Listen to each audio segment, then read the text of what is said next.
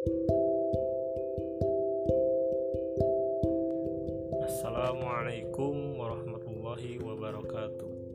Innal hamdalillah nahmaduhu wa nasta'inuhu wa nastaghfiruhu wa na'udzu billahi min syururi anfusina wa min sayyiati a'malina.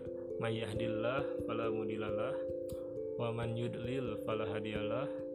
Wa asyhadu an la ilaha illallah wahdahu la syarikalah wa asyhadu anna muhammadan abduhu wa rasuluh Perkenalkan nama saya Fadil Arta Juliawan, mahasiswa UIN Bandung, jurusan bimbingan konseling Islam. Di sini saya akan sedikit berbagi ilmu tentang pencegahan COVID-19. Sebelumnya apa itu COVID-19? COVID-19 adalah penyakit menular yang disebabkan oleh jenis coronavirus yang baru ditemukan. Ini merupakan virus baru dan penyakit yang sebelumnya tidak dikenal sebelum terjadi wabah di Wuhan, Tiongkok bulan Desember 2019. Coronavirus adalah suatu kelompok virus yang dapat menyebabkan penyakit pada hewan atau manusia. Beberapa jenis coronavirus diketahui menyebabkan infeksi saluran pernapasan pada manusia mulai dari batuk, pilek, hingga yang lebih serius seperti Middle East Respiratory Syndrome atau disingkat jadi MERS dan Severe Acute Respiratory Syndrome SARS. Coronavirus jenis baru yang ditemukan menyebabkan penyakit COVID-19. Kemudian apa saja gejala COVID-19 ini yaitu gejala-gejala COVID yang paling umum adalah demam, rasa lelah, dan batuk kering. Beberapa pasien mungkin mengalami rasa nyeri dan sakit, hidung tersumbat, pilek, sakit tenggorokan atau diare. Gejala-gejala yang dialami biasanya bersifat ringan dan muncul secara bertahap. Beberapa orang yang terinfeksi tidak menunjukkan gejala apa pun dan tetap merasa sehat. Sebagian besar, sekitar 80%, orang yang terinfeksi berhasil pulih tanpa perlu perawatan khusus. Sekitar satu dari enam orang yang terjangkit COVID-19 menderita sakit parah dan kesulitan bernapas. Orang-orang lanjut usia atau lansia dan orang-orang dengan kondisi medis yang sudah ada sebelumnya seperti tekanan darah tinggi, gangguan jantung, atau diabetes punya kemungkinan lebih besar mengalami sakit yang lebih serius. Mereka yang mengalami demam, batuk, dan kesulitan bernapas sebaliknya maaf, sebaiknya mencari pertolongan medis. Kemudian bagaimana cara COVID-19 menyebar? Orang dapat tertular COVID-19 dari orang lain yang terjangkit virus ini. COVID-19 dapat menyebar dari orang ke orang melalui percikan-percikan dari hidung atau mulut yang keluar saat orang terjangkit COVID-19 itu batuk dan mengeluarkan nafas. Percikan-percikan ini kemudian jatuh ke benda-benda dan permukaan-permukaan di sekitar Orang yang menyentuh benda atau permukaan tersebut lalu menyentuh mata, hidung, atau mulut dan dapat terjangkit COVID-19. Penularan COVID-19 juga dapat terjadi jika orang menghirup percikan yang keluar dari batuk atau napas orang yang terjangkit COVID-19. Oleh karena itu, penting bagi kita untuk menjaga jarak lebih dari satu meter dari orang yang sakit.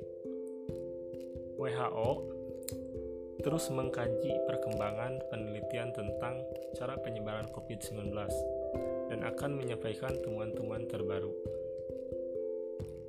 Kemudian pencegahan wabah COVID-19.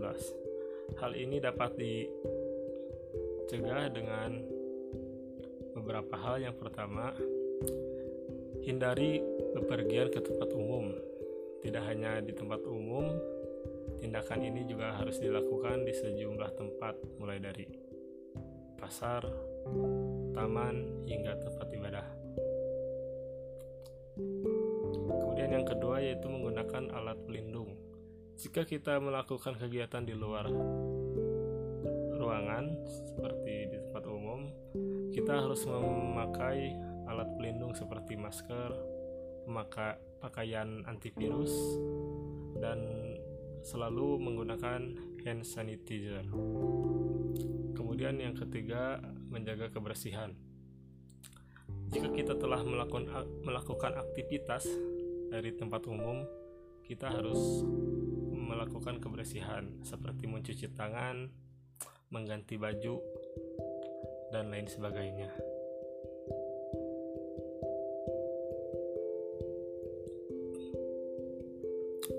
Kemudian keempat, dilarang menyentuh bagian wajah. Hal ini harus dihindari menyentuh bagian mata, hidung, dan mulut.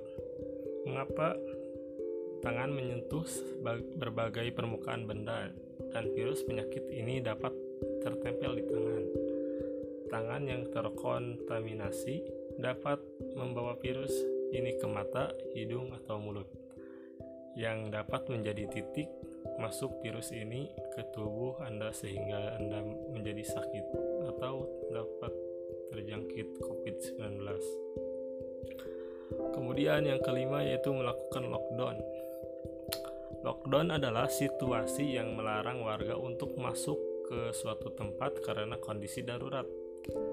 Lockdown juga bisa berarti negara yang menutup perbatasan agar tidak ada orang yang memasuki atau keluar dari negaranya.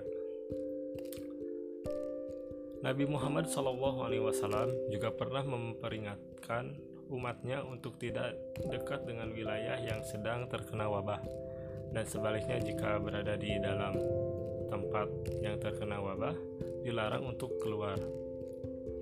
Seperti diriwayatkan dalam hadis berikut ini, yang artinya, jika kamu mendengar wabah di suatu wilayah, maka janganlah kalian memasukinya tapi jika terjadi wabah di tempat kamu berada, maka jangan tinggalkan tempat itu.